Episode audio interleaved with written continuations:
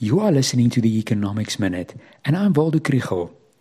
After three 25 basis point increases, the Reserve Bank's Monetary Policy Committee yesterday increased the repo rate by 50 basis points. Governor Lesetja Kganyago explained what led to this decision. There are, of course, different forces at work in the international and local economy, and the Reserve Bank is trying to sum it all up in their outlook for our economy. The first is that the world economy is growing more slowly, and interest rates are rising to fight inflation.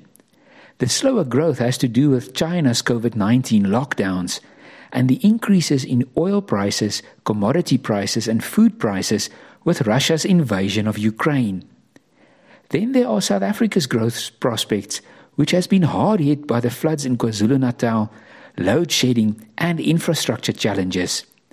Yet it seems that household spending so far is supporting the economy and that investment is doing better than expected. But their concern is that high production price inflation will eventually be passed on to consumers. The high oil price, weaker rand, and the possibility that electricity tariffs could also rise further also contributed to their models now predicting a higher inflation rate than at the previous policy committee meeting. Inflation expectations are also rising.